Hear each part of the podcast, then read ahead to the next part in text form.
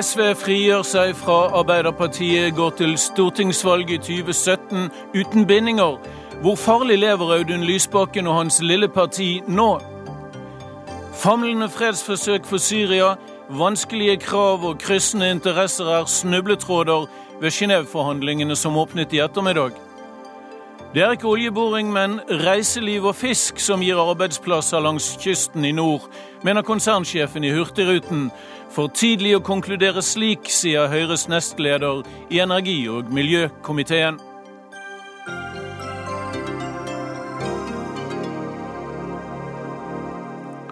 Velkommen til Dagsnytt 18. Ole Torp sitter i studio, trygt og tørt og langt borte fra stormen Thor som herjer vestlandskysten nå i kveld. Og det skal den gjøre i hele natt, eller hva, reporter i Ålesund Synnøve Hole? Ja, det alt tyder på det. Akkurat nå så står jeg og holder meg breibeint fast i ei fure nede på havna i Ålesund. Jeg er rett og slett litt redd for å bli blåst på, på sjøen. Altså. Det kommer noen voldsomme drag i lufta, og det kvin og pip og blæs og regner. De har stengt innfartsveien ut, inn og ut av byen. Flere ferger og fly er innstilte. og Vi bare venter, krysser fingrene for at alt går bra når Tor slår inn for fullt om kort tid. Mm, høres ut som mye vær der, ja. Og hvordan ser det ut i Nordfjordeid, eh, reporter Silje Guddal? Ja, Det er i hvert fall minst like ille her. Det er uråd å holde seg oppreist. og Jeg står i betongbygget til Røde Kors i Selje sentrum, og det knaker i betongvegger. og Porten til Røde Kors-bygget bølger seg sommertid når det slår til for fullt. Og som reporteren Ålesund sier, dette her er ikke det verste. Det har vi i vente. Så her kommer strømmen trolig til å forsvinne, og mange veier er allerede stengte. Mm. Vi skal komme tilbake til dere for å høre mer om Tor på slutten av sendingen. Inntil da får dere, høre, uh, får dere holde godt på, på Sydvestene der borte på Vestlandet. I mellomtiden skal vi se på de skjøre fredsfølerne for Syria. I Genéve i ettermiddag startet de første separatmøtene med noen av partene i fredsforhandlingene. FNs spesialutsending for Syria, Staffan de Mistura, møter først den syriske regjeringens delegasjon og deretter de øvrige deltakerne. Etter fem år med krig nesten 300 000 drepte og flere millioner mennesker på flukt, er behovet for en løsning presserende. Cecilie Helstveit, velkommen hit, seniorrådgiver ved International Law and Policy Institute. Hvilke forhåpninger skal vi ha til disse fredsforhandlingene? Jeg tror både amerikanerne og europeerne har ganske høye forhåpninger til at nå skal vi komme et steg videre mot en situasjon som roer ned krigen i Syria. Det ønsker man fordi man ønsker å få kontroll med den humanitære situasjonen som er i Syria. Man ønsker å vise syrere, både i Syria, men også i landene rundt, og sågar også i Europa, flyktninger, at nå gjør det internasjonale samfunnet en reell innsats for å gjøre noe med Syria. Og at, at man investerer på en måte i Syrias framtid på en annen måte enn man har vist de siste årene.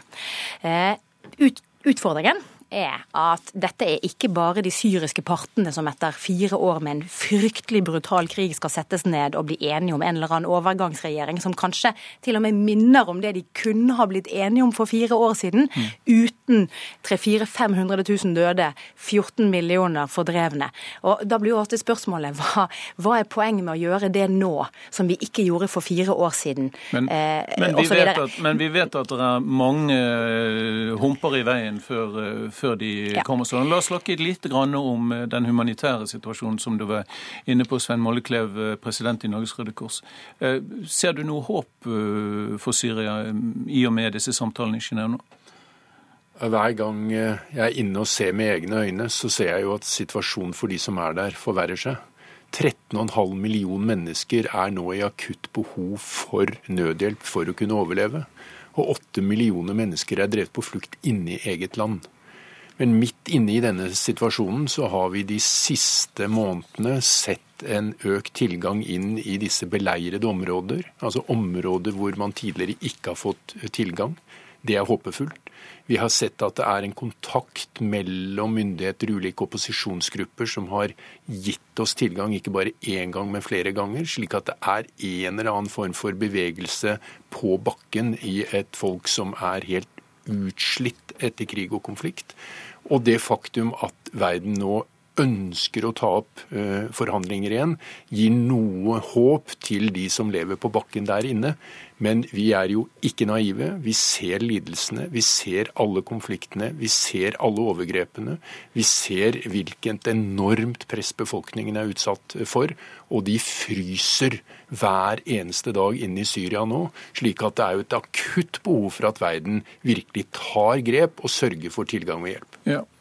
Det er eh, mye å ta fatt på. Vi har med oss eh, Robert Mood, også generalløytnant og sjef for den norske militærmisjonen i Brussel.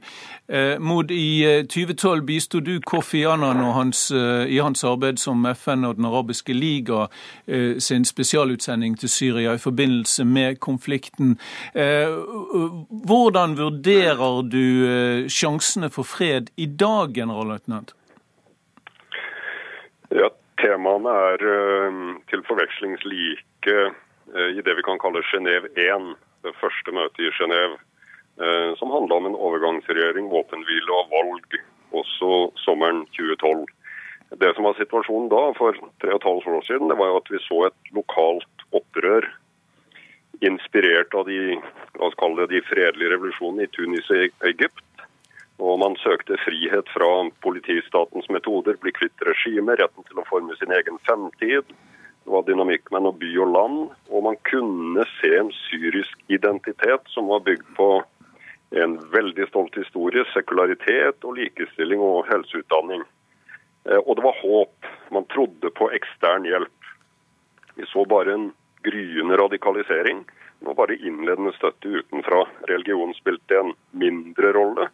Og de regionale stormaktene var avventende, mens USA og Russland faktisk var i villrede mm. og hadde et regime med kontroll over hele Syria. I dag, med etter tre og et halvt år og, og for å si det slik, ett Paris hver eneste dag og enorme ødeleggelser, så er det ikke mange illusjoner igjen om utenomverdenens vilje til å ta sitt ansvar for å beskytte sivile. Eh, den syriske identiteten er vel satt på prøve, og, og håp og troen er tynnslitt. Men Iran og Saudi-Arabia er jo nå mer eller mindre direkte involvert som resultat av dynamikken rundt atomavtalen. Dette er sanksjoner for Iran. Og Saudi-Arabia som har begynt å agere proaktivt og vil demme opp for Iran, bl.a. med sitt engasjement i mm. Jemen. Og så ser vi at Tyrkia er med pga. at det kurdiske problemet er oppe. USA og Russland er direkte involvert og begge har felles fiende.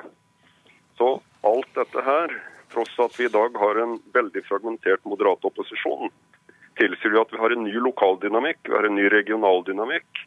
Stormaktene er involvert. Og det er også riktig å nevne at EU ser jo denne krigen nå som en årsak til mange av de utfordringene EU står overfor. Og så har vi et veikart og en sikkerhetsrådsresolusjon. Så det er lov å være litt forsiktig optimist. Litt forsiktig optimist, og et lappeteppe av aktører er det jo, Cecilie Helstvedt. Hvorfor er f.eks. ikke kurderne med uh, i disse fredsforhandlingene? De som gjør drittjobben på bakken for uh, å føre krigen? Nei, Det er akkurat som Mod sier, at dette her er jo ikke en konflikt som syrerne selv kan løse. Mm. Fordi syrerne, både på bakken militært, men også de politiske syriske aktørene, er, om ikke nikkedukker, så har de på en måte um, støttespillere ute som egentlig dikterer hva disse syriske aktørene i stor grad skal gjøre. Tyrkia har sagt nei til at kurderne får være med, og det er kurderne som er støttet av både amerikanerne og russerne. Det er de som har kjempet først og fremst mot IS. Eh, I tillegg så er det en del andre sekulære demokratiske krefter som Saudi-Arabia har ekskludert fra denne listen som de har hatt lov til å sette sammen. Saudi-Arabia vil ikke da at kurdere eller disse sekulære skal være med. Iran har sagt at de protesterer på listen til Saudi-Arabia, fordi der har det blitt faset inn mange jihadister som tidligere har vært i Nusra, og som man mener er, og forskjellige andre typer radikale som de mener er terrorister. Og eh, vi har jo alle litt sånne problemer med bl.a. Eh, at Hizbollah skal være med. At altså alle aktører må akseptere at noen av våre terrorister skal være med her. Mm. Det sitter veldig langt inne hos mange.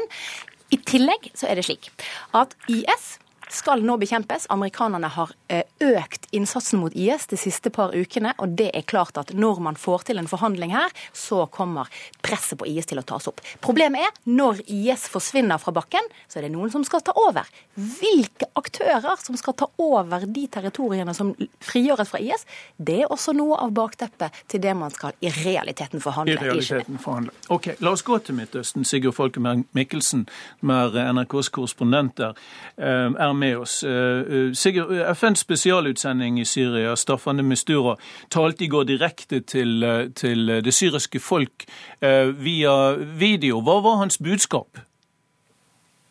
Jeg hadde jo da en innstendig appell til det syriske folk om betydningen av disse forhandlingene, og sa at det var en siste sjanse for fred. Jeg tror at Eh, man ikke skal på noen måte eh, overvurdere FNs eh, troverdighet lenger, særlig sett av syrisk opposisjonshold. FN ses på som en forlengelse i stor grad av verdenssamfunnet, og ikke nødvendigvis som en nøytral megler her lenger. Og De føler seg jo i stor grad forlatt av verdenssamfunnet, og det bidrar til dette veldig vanskelige forhandlingsklimaet. Jeg hører dere snakker om forsiktig optimisme fra studio. Eh, men eh, bare minne om at forhandlingene er nå offisielt i gang, uten at den syriske opposisjonen har villet delta. Eh, fordi de mener at Assad-regimet har fått altfor stor innflytelse og deres støttespillere. Så det er en veldig vanskelig situasjon både på bakken, men også diplomatisk sett fra Midtøsten. Mm, ja, Den syriske opposisjonen uh, har jo altså oppfordret til boikott, og, uh, og det gjør vel sitt til et vanskelig forhandlingsklima. Uh, er det andre sentrale aktører som, som mangler i Genéve? Ja, altså, sånn det er nå, så er det jo bare regimefolkene som har dukket opp med da Ibrahim Jafari i spissen, og muligens med Syrias utenriksminister Walid Malem som kommer senere. Eh, om Syrias opposisjon deltar, eh, det gjenstår å se. Det er jo lange forhandlinger. Det er lagt opp til seks måneder her, men med et veldig, ambisiøst mål, nemlig en endelig fred og eh, valg. Akkurat nå virker det veldig usannsynlig. I tillegg til at, at, opposisjonen ikke har dukket opp, så er det jo andre som ikke kommer til å bli invitert uansett. og Det gjelder da, dere har vært inne på det tidligere, IS og Jabhat al-Nusra, Al Qaidas forlengede arm i Syria. Eh, og så har kurderne også holdt eh, unna, eh, både av den syriske opposisjonen, som mener at de holder på med sitt eget spill og ikke er så opptatt av Assad-regimet når alt kommer og også av tyrkerne. Så Det er flere som uansett ikke er invitert her. Og så har du da hele den syriske opposisjonen som fortsatt er litt i villrede hvordan de skal forholde seg til dette, denne nye diplomatiske situasjonen med et stormaktsspill som mange nok føler Eh, holdt på å tilte i retning Assad og ikke dem. Mm. La oss gå til Robert Mood igjen i, i Brussel, hvis du er med oss. Rett før vi gikk på sending, så kom det jo meldinger fra Tyrkia om at president Tayyip Erdogan krever våpenhvile og full stans i de russiske luftaksjonene for å få til en, en troverdig fredsforhandling. Hvor sannsynlig er det at det kan skje? Det tror jeg ikke er uh, veldig sannsynlig. Uh, det er åpenbart at Tyrkia agerer her i, i, forhold til at man ser at det kurdiske spørsmålet, som har sine røtter tilbake til uh, for nesten 100 år siden ved avslutningen av den første verdenskrig, hvis det blir en, en, et viktig element for å legge premissene for en løsning, så er det ikke, ikke veldig velkommen. Og uansett har russerne sin egen agenda i området, som handler om i mye større grad om tilstedeværelse og innflytelse i regionen enn en person Assad. Mm. Og, og, eh, Svein Molleklev her i studio, vi har jo sett uh, at, at, her blir altså blokade, utsulting, hungersnød brukt som våpen i denne konflikten. Hvor bekymringsfullt er det i fortsettelsen? Ja, det er en krigsforbrytelse mot menneskeheten når man bevisst og systematisk sulter ut sivile. De har krav på beskyttelse, de har krav på hjelp, og vi har krav på å hjelpe.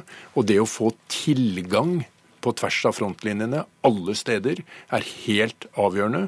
Og det, den utfordringen vi gir til alle parter i konflikten, og vi har hørt nå det hele dette komplekse bildet, det er at de må følge internasjonal humanitærrett. De må sørge for at hjelpen kommer inn til en utsultet og uthungret befolkning.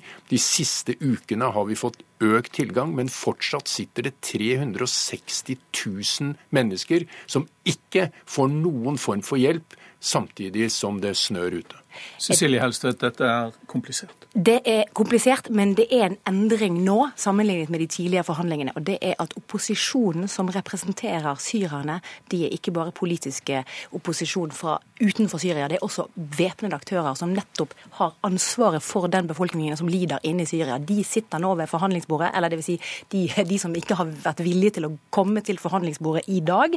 Fordi de krever at nettopp beleiringen av disse byene inne i Syria og den massive bombingen må stanse før de kan sette seg ned ved forhandlingsbordet. Takk skal dere ha.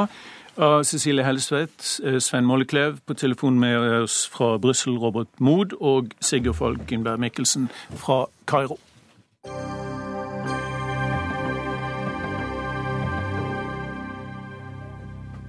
Arbeidsledigheten stiger i Norge. Det nærmer seg 100 000 nå, og det vil bli verre. Det var det dystre, men kanskje ikke uventede budskap fra arbeids- og velferdsdirektør Sigrun Vågeng da hun la frem nye tall fra Nav i dag. Sigrun Vågeng, velkommen hit til eh, Dagsnytt 18.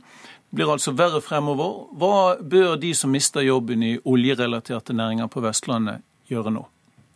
først og fremst eh, registrere seg som arbeidssøker og sette i gang veldig fort og se om de kan finne seg en annen jobb, kanskje i en annen bransje.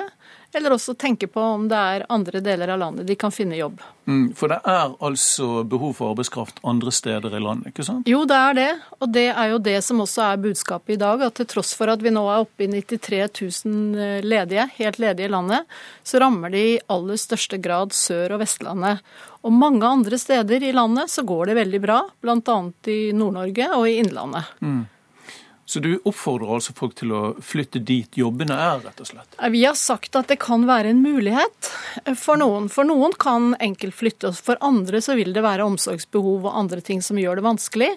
Men, men nå har vi jo sett en, en stor pendling inn til Rogaland og, og, til oljerelaterte jobber i lang tid. Så jeg tror for mange så er det ikke noe uvant at man kanskje rører noe på seg. Mm, at man reiser tilbake til, til, andre steder og kanskje søker jobber andre steder. Hvor ja forberedt er dere i Nav på denne situasjonen?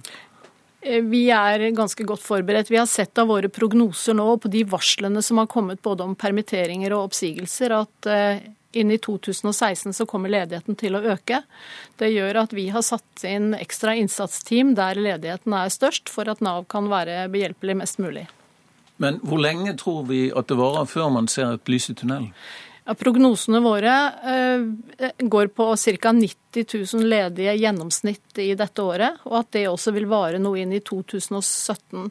Men så eh, tror vi og, og, forventer vi at ledigheten vil snu noe. Og det skyldes jo både svak kronekurs, lav rente og en del offentlige investeringer. Mm, men ikke i den samme bransjen. Vi må, vi må se i øynene at oljebransjen er eh, for nedadgående. Ja, der er nok ekspertene veldig enige om at eh, den veksten som man har sett i oljebransjen nå over lang, lang tid, den er i ferd med å, å snu. Eh, og at det må en omstilling til eh, som gjør at eh, vi må satse på jobber også andre steder. Mm, men det er dramatisk dette for folk som har sin økonomi bundet opp av store lån og slike ting? Ja, det er det. Og særlig, kan si særlig Rogaland, Hordaland, Agder-området, der veldig mange enkeltmennesker nå er berørt. Rogaland har f.eks. gått nå i løpet av to år fra å ha den absolutt laveste ledigheten til å ha den høyeste. Og det preger enkeltmennesker, og det preger selvsagt et helt samfunn. Mm, vi skal aldri glemme at arbeidsledighet også dreier seg om familieøkonomi og eh, enkeltmennesker? Ja, det gjør det. Arbeidet er jo nødvendig for at vi skal ha et, eh, et eh, godt liv. Og det å, å, ha usikkerhet rundt det skaper naturligvis utfordringer for mange. Mm. Og eh, Takk skal du ha, Sigrun eh, Vågeng. Eh, det er dystre utsikter, men det kan være et slags eh, lys i tunnelen. Det fins muligheter. Etter, ja. etter, hvert. Men eh, samtidig som de nye eh, tallene kommer og viser at arbeidsledigheten stiger, advarer nå konsernsjefen i Hurtigruten mot oljesatsing i nord. Eventuelle fremtidige oljefelt vil gi lite til kysten og lite til Nord-Norge, sa Daniel Skjeldam til Dagens Næringsliv denne uken. Daniel Skjeldam, konsernsjef i Hurtigruten, velkommen hit til eh, Dagsnytt 18. Hvorfor er du så negativ til eh, nye oljefelt i nord, ikke minst utenfor Lofoten? Først og fremst så må jeg si at jeg er jo ingen motstander av olje og gass i det hele tatt. Vi skal selvfølgelig ha en eh, olje- og gassnæring med oss i mange, mange år til. Det var ikke akkurat sånn det virket da vi leste Dagens Næringsliv. Jo, det, det var det nok. Det jeg har sagt, er at vi må få opp og fram andre næringer. Vi må satse. Vi kan ikke satse alt på ett kort. Og i Nord-Norge så tror jeg det er mange næringer nå som virkelig kan få et oppsving i sysselsettinga i forhold til hva vi har i dag. Det er fiskeri, det er reiseliv. Eh, og da tror jeg at vi må satse mer på det, og ikke eh, gå inn i en oljeavhengighet framover. For det vil gjøre det vanskeligere å få til en omstilling, eh, og det vil også gjøre det vanskeligere å få til den satsinga på andre næringer som vi er nødt til å, å, å gå for nå. Så du mener at fisk og reiseliv skulle være nok? Nei, absolutt ikke. Det er mange andre næringer også vi skal satse på. Men jeg ser eh, lokalt i Nord-Norge at det er altfor mange eh, som sitter og venter på at det skapes arbeidsplasser innen olje og gass. Eh, og jeg tror det er feil strategi. Jeg tror at vi må nå satse på virkemidler for å få opp alternative næringer. Det ser vi også på arbeidsløsheten. Den stiger. Vi hadde et Johan Castberg-felt som skulle skape 70-80 arbeidsplasser i Nordkapp. De kommer ikke.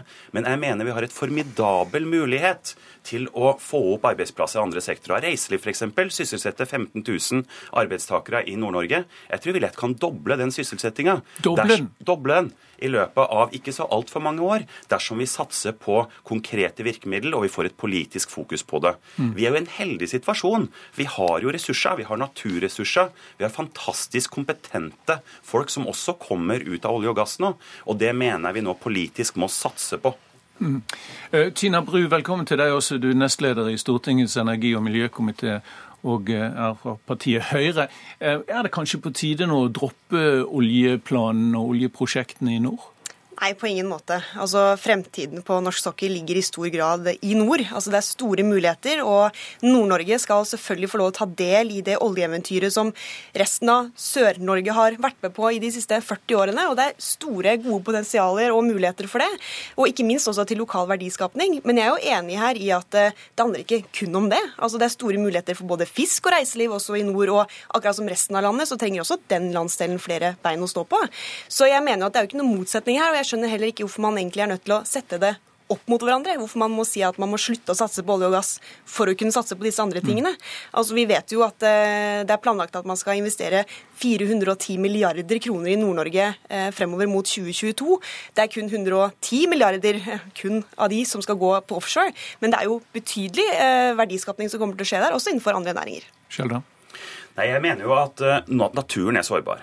Lofoten, Vesterålens del, som er de nye feltene man snakker om, så, så, har man en sårbar natur. Man har en sårbar merkevare, som er Norge. Og det er klart, Jeg mener også at det er feil å ta risikoen på å bygge ut nye felt nå, på et tidspunkt hvor vi har lav oljepris, og på et tidspunkt hvor hele verden gjennom klimatoppmøtet nå går mot et 1,5-gradersmål. Eh, og Da kan vi heller fokusere på de feltene vi har. Vi fokuserer selvfølgelig på olje og gass, men vi må også nå få fler, mer fokus inn mot andre næringer, som reiseliv, fiskeri og ikke minst fornybare næringer. som har et kjempepotensial. Men det du er redd for, er at en oljeutbygging i disse områdene vil ødelegge for turistnæringen og ødelegge for fiskeriet? Jeg ser en risiko på det, og så ser jeg også en risiko på at det vil ta mye fokus bort fra de andre næringene som vi nå må få opp og fram. Men, Men Tina Bru, eh, kan du garantere at det blir synergieffekter eh, langs kysten nå i nord? Det vil jeg tro. Altså, nå... Men du kan ikke garantere det, altså? Jeg kan nærmest garantere det, men nå må vi først få, få bygd ut Castberg, for mm. å si det sånn. Men at det kommer til å komme betydelig verdiskapning i arbeidsplasser og annet næringsliv, det tror jeg vi kan ta for gitt. Altså, men Castberg er, er, kanskje ikke det beste eksempelet? Jo, men nå, nå, skal man jo jobbe videre med å se på ilandføring. Altså mm. Siste punktum er ikke satt for en eventuell ilandføring av, eh, av Castberg. Eh, men se på Kristiansund f.eks. Der er det skapt mange tusen arbeidsplasser, selv om det ikke er noe ilandføring der. Hvis vi holder oss til eh, Johan Castberg-feltet, uh, Skjeldam, så har det vel vist seg at det ikke gir den avkastningen arbeidsmessig som man hadde trodd? Ja, Det man ser nå, er at det blir null arbeidsplasser lokalt eh, i forhold til Johan Castberg. Og det vi ser innenfor olje, er jo at selvfølgelig er olje viktig for nasjonale eh, interesser i forhold til å kunne skape nasjonal verdiskapning. Men det jeg sier, er at vi må ikke legge alt på ett kort i forhold til lokal verdiskapning. For det er Johan Castberg nå et godt eksempel på at ikke fungerer. Men hvordan kan man si det? Altså Castberg er en investering på 50-60 milliarder kroner. Det sier seg selv at det vil skape ringvirkninger. Altså Se på hva som har skjedd i Hammerfest f.eks. Altså, der er det masse leverandørbedrifter. Det har skapt nye arbeidsplasser. Det har utviklet hele samfunnet. Det blir merkelig å påstå at en investering på 60 milliarder kroner ikke kommer til å ha noen effekt for lokalmiljøet. Det vil det absolutt. Og så er det viktig for meg å poengtere at Norge har en stolt historie ved å forvalte våre naturressurser på en god måte. Om det er fisk, om det er vann, om det er olje. Og vi har også vært opptatt av at dette skal kunne leve i harmoni. Altså Fisken og olja har levd side om side i over 40 år. Jeg har full tro på at man skal klare å videreutvikle både reiselivsnæringen og fiskerinæringen og oljenæringen i nord uten at det Men går på samtidig har altså. Nor- Norges kystfiskarlag flere ganger sagt at det ikke lar seg kombinere eh, på den smale sokkelen utenfor Lofoten, Vesterålen og Senja å ha både olje og fisk. De er rett og slett redd for gyteplasser og slikt. Jo, men vi vet også at det er veldig veldig strenge, til, altså strenge miljøkrav til norsk oljeproduksjon. Eh, vi er veldig opptatt av å sikre ømfintlige økosystemer. Det må selvfølgelig ligge til grunn også for olje- eh, og gassproduksjon i nord. Så det kommer man til å jobbe veldig godt med. Og jeg tror også at har man fått til dette før, vil man få det til igjen. Ingen vet heller hvordan teknologien vil utvikle seg. Altså I fremtiden er det kanskje ikke de store plattformene som vil stå på havbunnen, men det kan være bare utbygginger på havbunnen som ikke påvirker miljøet på samme måte som, som andre installasjoner gjør. Kjell, da? Jeg ser jo andre er bedre til å vurdere risikoen der enn meg. Det som er viktig for min næring, reiselivsnæringa og for andre eh, næringer, er at vi får et virkemiddelapparat som nå retter seg inn mot omstilling. Jeg tror vi må erkjenne at Norge må gjennom en omstilling. Det sies på regjeringsnivå, eh, det sies også på mange plasser på lokalt nivå, men det er også mange plasser at man satser alt på å få oljearbeidsplasser. Og det tror jeg blir feil når vi har så store muligheter innenfor andre næringer til å kunne drive den omstillinga framover som Norge trenger. Jeg er helt enig i det, og det er også derfor denne regjeringen nå satser rekordstort på næringsretta forskning og utvikling, nettopp for at vi skal kunne bygge flere ben å stå på. Men vi løser ikke det ved å på en måte kappe av vårt, vårt viktigste ben, som Men det har vel kanskje vært slik at oljeindustrien har vært en slags næringslivsmessig sovepute som har forhindret eh, nytenkning og utvikling av andre typer, eh, annen type virksomhet i nord? Det er nok ingen tvil om at altså, Norge er et svært oljeavhengig land. Eh, og vi har nok eh, ikke vært flinke nok til å sette i gang den omstillingsprosessen på et tidligere tidspunkt. Det burde vi nok gjort. Eh, nå tar regjeringen grep. Vi er opptatt av å trygge arbeidsplassene for fremtiden. Da må man tenke på noe i tillegg til olje- og gassnæringen. Det er jeg helt enig i. Men vi må også legge til rette for videreutvikling av den næringen, for det er vår aller viktigste næring, og den trygger norsk velferd. Så jeg Og mener det er mulig å gjøre begge deler. og jeg hevder på ingen måte at vi skal kappe av oss beinet som heter olje og gass. Det skal vi ha med oss i mange, mange år til. Eh, Men vi er nødt til eh, å nå få opp andre, eh, andre næringer som virkelig kan blomstre utover. Det har vi all anledning til, og da må vi redusere fokuset vi har hatt på olje og gass. Ok, Da stopper vi der. Takk skal dere ha, Tina Bru og Daniel Skjeldam.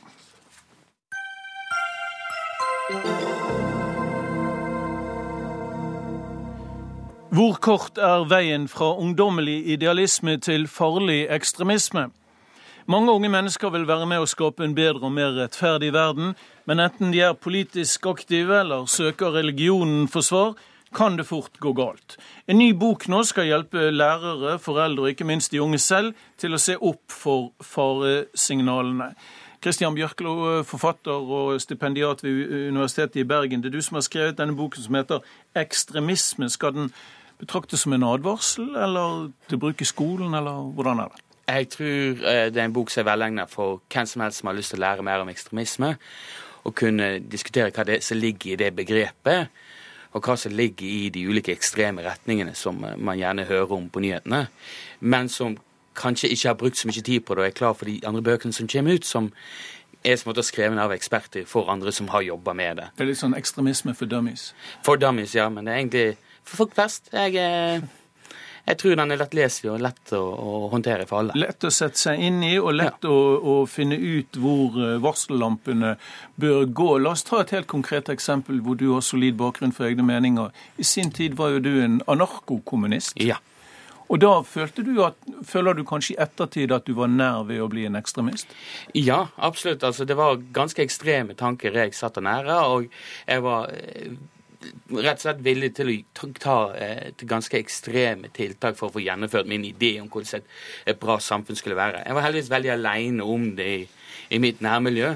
Jeg satt jo da på mailinglister og sikkert på tidlig 90-tallet og hang med folk der. Mm. Eh, og diskuterte der, og da kom jeg i kontakt med, med folk fra, fra, ulike terrororganisasjoner og fra geriljaer og inkludert gamle medlemmer av, av Råta med-fraksjonen og lignende. Og da får man de impulsene inn at mm. nei, det er faktisk riktig, man kan bruke vold. Man bør kanskje sprenge et postkontor for å få gjennomslag for våre meninger.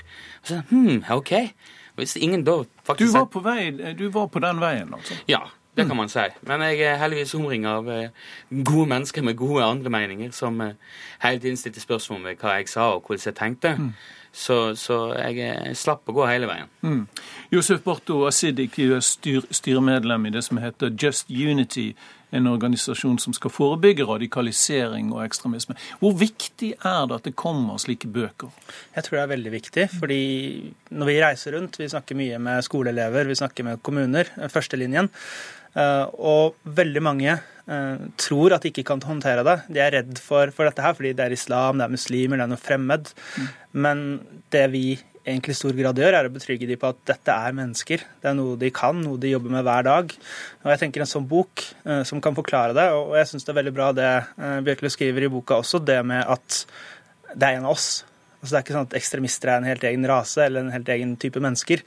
Det kan skje med hvem som helst i, i gitte situasjoner. Og, og, jeg tenker det å få det også frem, da. Fordi det er veldig mange som skyver det litt sånn unna og tenker ekstremisme det er noe annerledes. det er noe som andre vel, kan gjøre. Og så skal vi vel legge merke til, eh, både i denne boken og i det virkelige liv, holdt jeg på å si, at eh, når vi snakker om ekstremister, så snakker vi ikke bare om religiøse ekstremister, uh, uansett hvilken, uh, hvilken, retning man heller til. Vi snakker også om de politiske, både høyre- og venstresiden. Og, og Bjørklo, du har jo oppsøkt et, og forsket på et miljø i, i, i Italia som mm. ikke er så godt kjent for oss, en italiensk fascisme fascistmiljø som fremdeles eksisterer? Ja, altså, Italienske fascismen lever jo i beste velgående. Eh, lenge etter andre, verdenskrig så har de bare holdt det gående. Men i de siste 10-15 åra så har det dukket opp et miljø som kaller seg Casa Pound.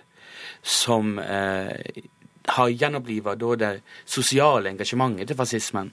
Så i stedet for å gå ut i gatene for å banke opp noen og stå og skrike om eh, slagord mot demokratiet, så okkuperer de hus og sier her kan familier som ikke har plasser å bo, mm. her kan dere bo for 80 euro i måneden. Eh, her kan du få fri rettshjelp.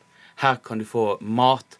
Her kan du få, få råd. Du Men det er også en måte å lure seg inn på folk, da? Eller er det en Jeg vet jo at Hamas har jo drevet med dette. Ja. Har jo drevet tannlegetjeneste i moskeen, holdt jeg på å si. Men, jeg, jeg Men det er en måte å skaffe seg en sosial profil og bli akseptert i bredere lag? Ja, på den ene siden. Det er selvsagt en veldig god strategi, mm. men det er òg eh, ektefølt, mener jeg. Jeg tror disse menneskene mener at de gjør en god jobb fordi de ønsker å gjøre en god jobb. Mm. Og så er det en fordel at de, de, slipper å få dette stempelet som bøller på seg, som andre fascistgrupperinger gjerne gjør. Mm. Men vi vet det var ikke bare husokkupasjoner, det var ungdom som ble tiltalt for drap og ja, gruppevoldtekter av jødiske piker. Det har vært drap. Sånn. mens jeg var der, så var det en sak med 15 år gammel jente som ble forsøkt voldtekt. Det har vært voldsøvinger og slike ting. Så ja da, det er ikke et trygt miljø, eh, men de prøver å bygge opp et helt annet type image. Men Simen, når du har gått inn i dette, hva vil du si er den mest typiske fellesnevneren for en ung ekstremist, uansett, uh, uansett overbevisning? Det er det skumle. Det er jo idealisme, da. Mm. Altså, De ønsker faktisk å, å, å, å, få til en bedre verden, og de ønsker å være en pådriver for en bedre verden. Og da er det, er det gjerne da, De ønsker jo den heltestatusen, ikke sant? Altså En kombinasjon av ideal, idealismen og ønsket om å faktisk være den som driver dette gjennom, og være en pådriver. Og selv om noen skulle dø på det postkontoret de sprengte i luften, så, så er ikke det så farlig, så for det fremmer saken. Nemlig. Da er det jo bare en eh, sånn bieffekt. Mm, Asidik, ser du også den eh, den modusen av tenkning? Helt klart. Eh, vi har jo da jobba mest med muslimske ungdommer, fordi det er der vi har størst effekt. Og vi ser jo det er mange grunner til at de blir eh, ekstremister, eh, men vi ser at det er også mange andre sider ved menneskene enn det at de er ekstreme. Eh, så, vi ønsker å fokusere på det, da, at dette er jo mennesker med mange andre kvaliteter som man kanskje bør fokusere på for å hjelpe de ut. Men hva sier du til dem når du treffer dem du fornemmer eller som du forstår er på vei ut på den galeien? Snakker du til deres rasjonale, eller skremmer du dem, eller hva gjør du? Nei, også Det vi gjør, er å lansere et alternativ. Vi tenker det er viktigere, fordi vi er jo veldig tydelige på hva vi står for. At vi fordømmer IS, at vi fordømmer ekstremisme. Eh, så vi trenger ikke å ta den diskusjonen, for det vet man fra før. Men det vi gjør, er å vise et alternativ. At det finnes andre muligheter til å påvirke, det finnes andre muligheter til å hjelpe til. Og det finnes andre muligheter for dem. For det er jo ofte sånn at dette er ungdom som føler at de ikke har noen muligheter. De har kommet inn i et miljø som har akseptert dem. Og det er kanskje det første stedet de opplever mestring, og opplever at noen ser på dem som noe annet enn tapere tapere. Og jeg tenker Når man har en leder, da, en frontskikkelse, som løfter deg opp og sier at du er viktig, det er du som skal redde syriske barn, Syria trenger deg, eh, og man er vant til å liksom ikke passe inn og ikke få til noe som helst, så er det veldig vanskelig å, å si til seg selv at dette vil jeg ikke gjøre. Selv om, men, men, det som ofte er forbausende, eh, Bjørklo, er jo også det at hvis vi f.eks. snakker om IS, som jeg fornemmer at mm. vi, mm. at vi gjør nå, eh, rekruttering til IS, så er det jo litt sånn underlig at, at, de unge ikke blir skremt fra å reise, og ikke lar seg overbevise av det de måtte lese i ja. din bok eller i avisene. Ja, eh, IS har eh, så langt vært en eh, på mange måter anomali, for det er så åpenbart hvor grusomt de har gått fram. Mm. Men det er noen, hvis man klarer å rettferdiggjøre den volden der, hvis man klarer det, som da IS har klart å gjøre for de de rekrutterer, ved å påpeke at hei, du hører ikke hjemme i Vesten, de vil ikke ha deg her, se på nyhetene, les avisene, les kommentarfeltet, du hører ikke hjemme, du hører hjemme hos oss, og vi slåss den, vi kjemper den krigen mot de som ikke vil ha deg der. Og så er det selvfølgelig voldsromantikken, oh, ja. som er uh som er allmenngyldig, hva enten man er fascist eller kommunist eller eh, mm. religiøs fanatiker. ikke sant? Ja. Mm. Mm. Ok, Tusen takk skal dere ha for at dere kom til eh, Dagsnytt 18 begge to. Christian Bjørkelo, som har skrevet boken 'Ekstremisme', og Josef Barto Asidik, styremedlem i Just Unity. Takk for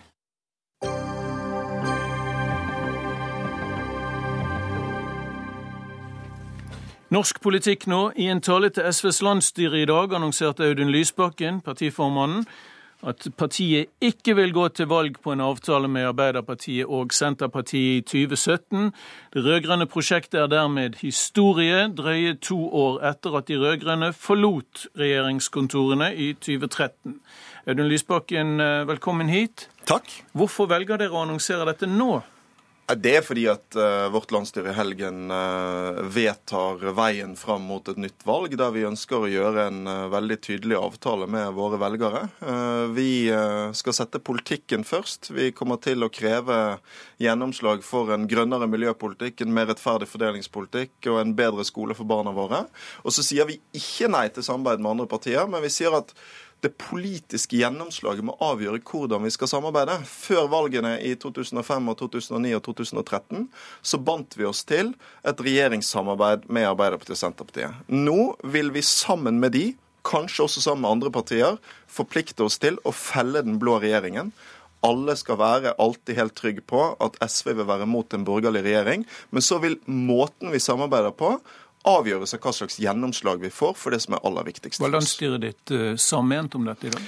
Dette er en enstemmig innstilling fra sentralstyret. Mm. og også noe vi har diskutert over lang tid. Jeg skrev dette første gang i en bok jeg ga ut uh, for et år siden. og Det er viktig å understreke at det betyr ikke noe brudd med de andre rød-grønne partiene, men det betyr et det forslag om, Det hørtes veldig sånn ut. Ja, men det betyr et forslag om en annen måte å samarbeide på. Okay. Der, der vi sier at vi ønsker et samarbeid om å fjerne den blå regjeringen. Vi er åpen for regjeringssamarbeid, men også f.eks. For, for et formalisert samarbeid i Stortinget.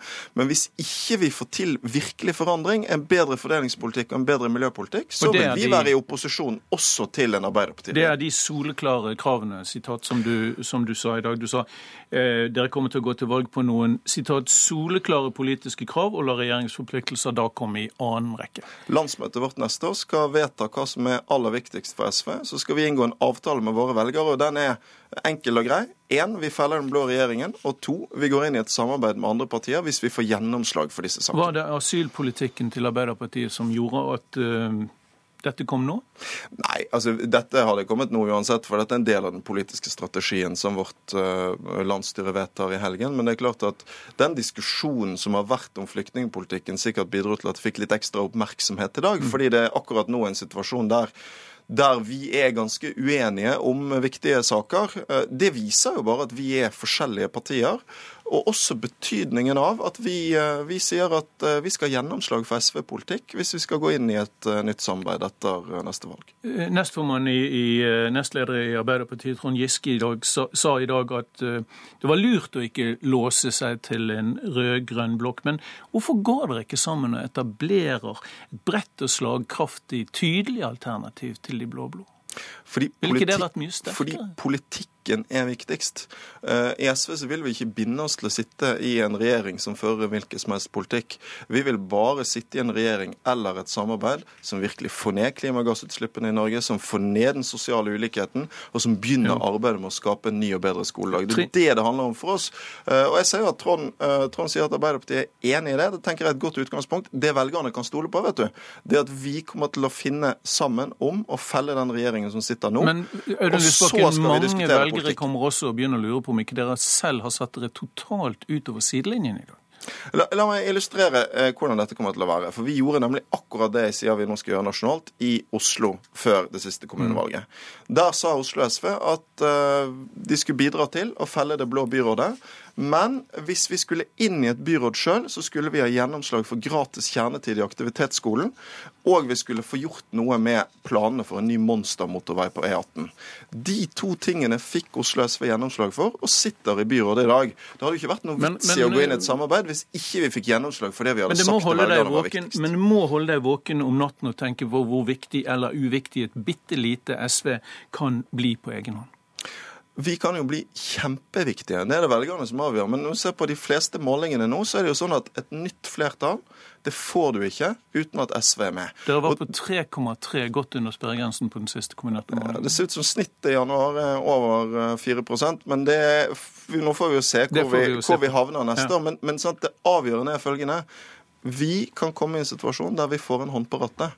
Da skal folk i Norge vite hva vi vil bruke den innflytelsen til. Du tror at det er mer trolig at dere får den hånden på rattet ved å ikke samarbeide med noen enn å samarbeide med, med noen. Trine Skei Grande, din partikollega, eller din kollega, eh, partileder, kollega, men i Venstre, sier i dag at dere tar farvel med siste rest av Kristin Halvorsens SV og blir et rent protestparti. Det er en veldig rar eh, analyse av Trine Skei Grande. For hun har gjort nøyaktig det samme sjøl som det vi nå sier at vi skal gjøre. I 2013 så gikk Venstre til valg på at de ville felle den rød-grønne regjeringen, men at de kunne ha ulike samarbeidsformer i et nytt flertall. Det er akkurat det vi sier nå også.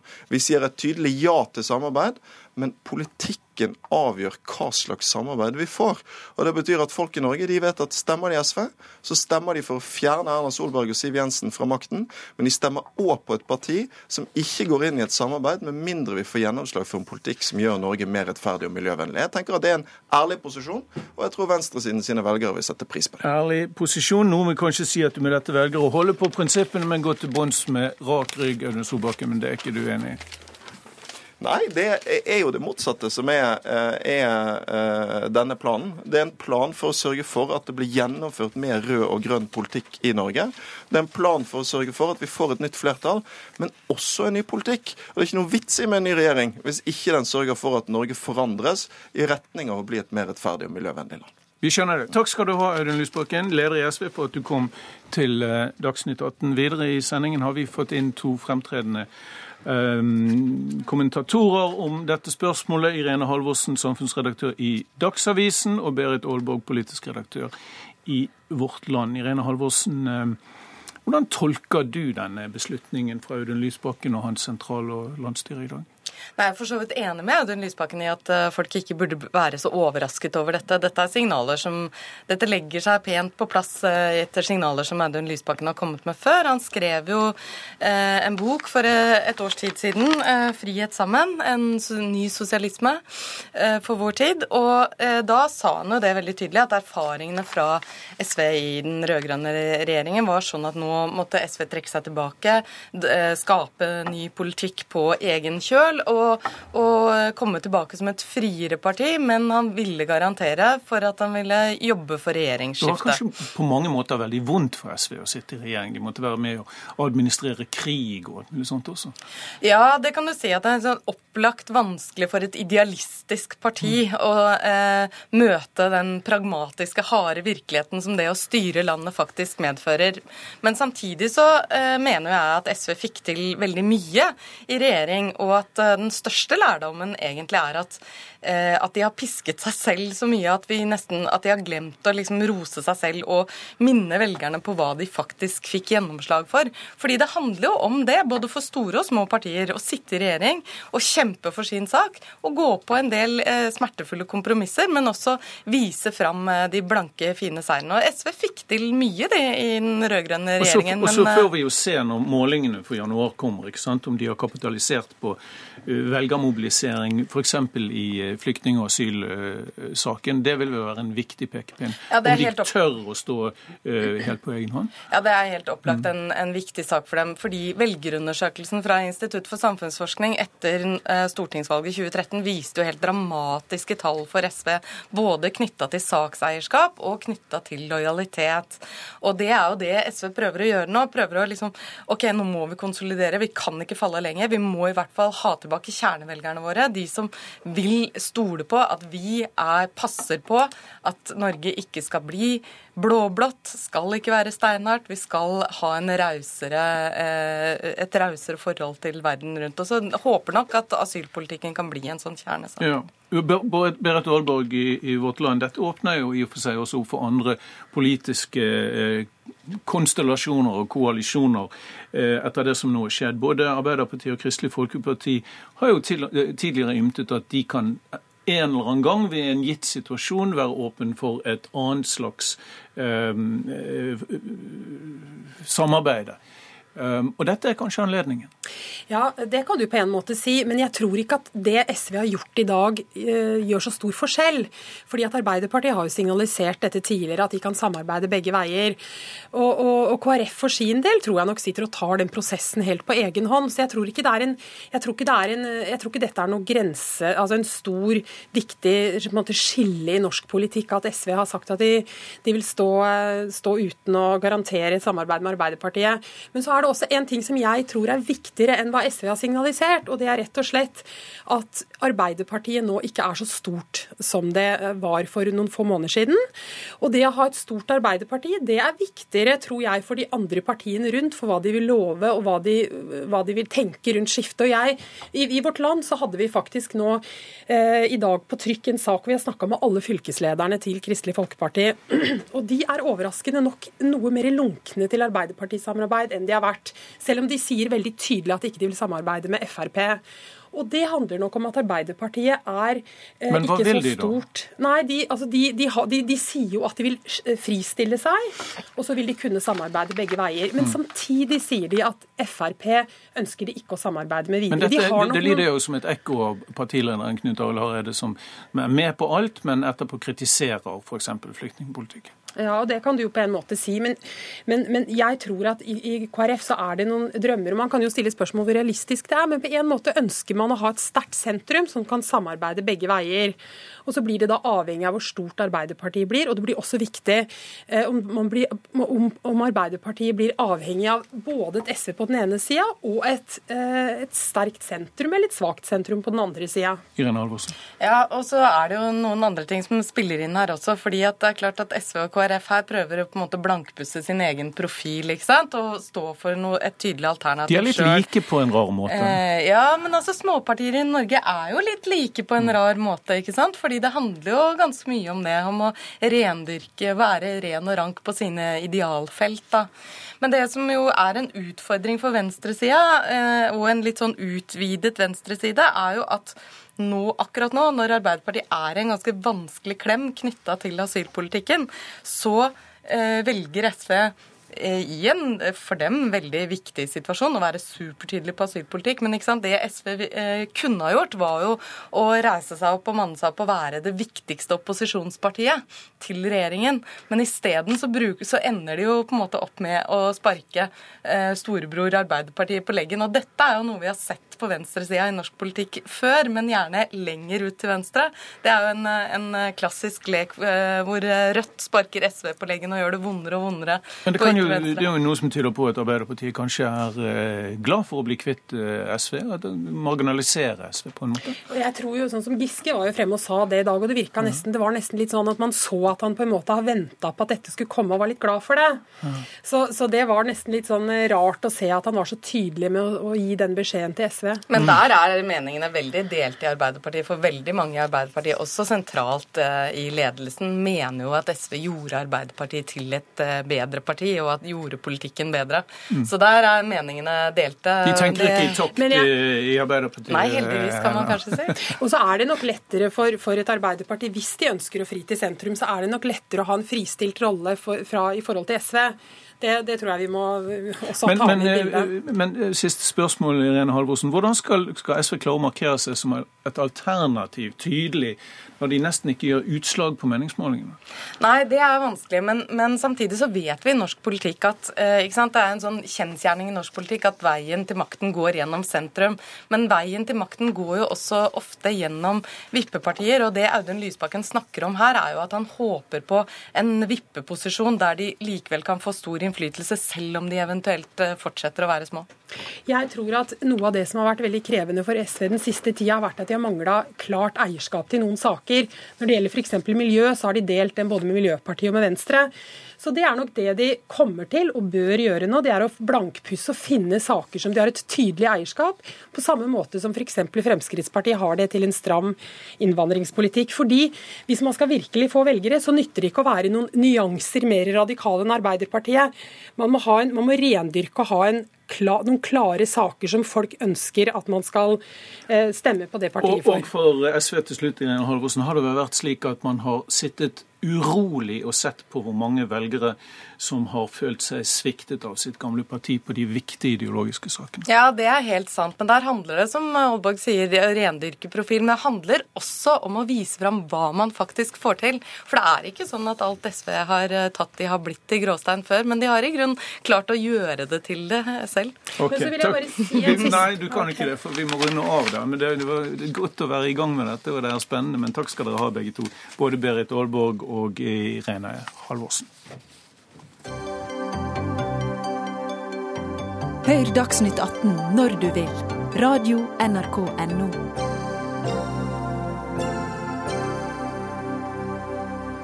Vi skal tilbake til ekstremværet Tor, som i kveld har truffet store deler av Vestlandet, og ventes å ramme helt opp til Nordland og enkelte områder på Østlandet i kveld og i natt. Utenfor Bergen har eh, flere tusen husstander mistet strømmen i ettermiddag. Broer er stengt, og det er meldt om flom. Ved kysten kan uværet komme opp i orkan, og Meteorologisk institutt sier ødeleggelsene kan bli store. Det kan være fare for liv og verdier i hele åtte fylker. Meteorolog i NRK her, eh, Bente Wahl, ser ut til å bli veldig kraftig. Fortell oss hva vi har i vente nå. Ja, det blåser. Eh, du sa at det kan bli orkan, men det har vi allerede. Eh, på Kråkenes fyr blåser det nå 47 meter i sekundet. Orkan det starter på 32,7, så vi har allerede langt over orkan. Og, og 10 000 husstander uten strøm. Ja, så det blåser mye. Men det er eh, ytterst på kysten som det er aller verst. Der er det jo storm stort sett langs hele kysten. Så vidt jeg vet, så har ikke vi målinger på at så høy vind noensinne på Kråkenes. Nå, og Kråkenes er i Nordfjord? Det er nord i Sogn, det er akkurat ved Stad, ved Sogn, nord i Sogn og Fjordane. Ja. Og nå var ikke den stasjonen der under nyttårsorkanen i 92, men eh, under Dagmar i 2011, som mange kanskje husker, så målte Kråkenes 45,6, eh, tror jeg. Nå var den ute en liten periode, så, sånn sett. Men, men vi snakker altså om en rekordstorm eh, på kysten? På kysten så er det det. Men nå er jo kysten litt mer rusta enn i Innlandet, sånn som Dagmar i 2011 den fikk en litt eh, kraftig bakside, så den tok veldig mye innover land. Eh, er nok ikke sikkert at denne gjør det, fordi den kommer til å gå mer langs kysten nordover. Hvilke, hvilke områder er det som særlig vil bli rammet i løpet av kvelden og natten? Ja, Nå er det mest nord i Sogn og Fjordane og Sunnmøre, og så drar den seg nordover til Trøndelag nå i løpet av sen kveld. Eh, mellom ni og midnatt vil jeg tro at den ligger godt plassert over kysten av Trøndelag. Og videre utover natta så drar den seg nordover til Helgeland, og de får nok eh, sterk storm i natt. Men utover dagen i morgen så venter vi nok en liten til full storm inn Vestfjorden også, så den, den drar seg helt nordover. Den drar seg helt nordover. La oss gå til, la oss gå til Ålesund f.eks. Synnøve Hole som er med oss der, NRK-reporter. Hvordan er været hos deg nå? Ja, Nå blåser det kraftig her i Ålesund. Det er skikkelige tak i bygene. De fyker av gårde. Og, og, det å være ute nå, det er ikke altså det skal en rett og slett ikke være. Det har politiet sagt ettertrykkelig, at nå skal folk eh, holde seg hjemme. Og eh, Vi som har bodd her en stund og opplevd flere orkaner, vet jo at dette her er ikke noe å spøke med. Ja, vi kan, nå vi kan, høre, vi kan høre vinden eh, sånn som det tar der nå. Hvordan, hvordan forbereder folk seg nå på dette uværet? Jeg tror folk eh, har brukt hodet og gjort sånn som de har blitt bedt om å gjøre. Ta inn løse hagegjenstander, eh, møbler, eh, tjore fast båtene sine på, altså på alle mulige måter. Gjør eh, de forberedelsene som de er bedt om, slik at det ikke går, blir noe skader mer enn det som det må.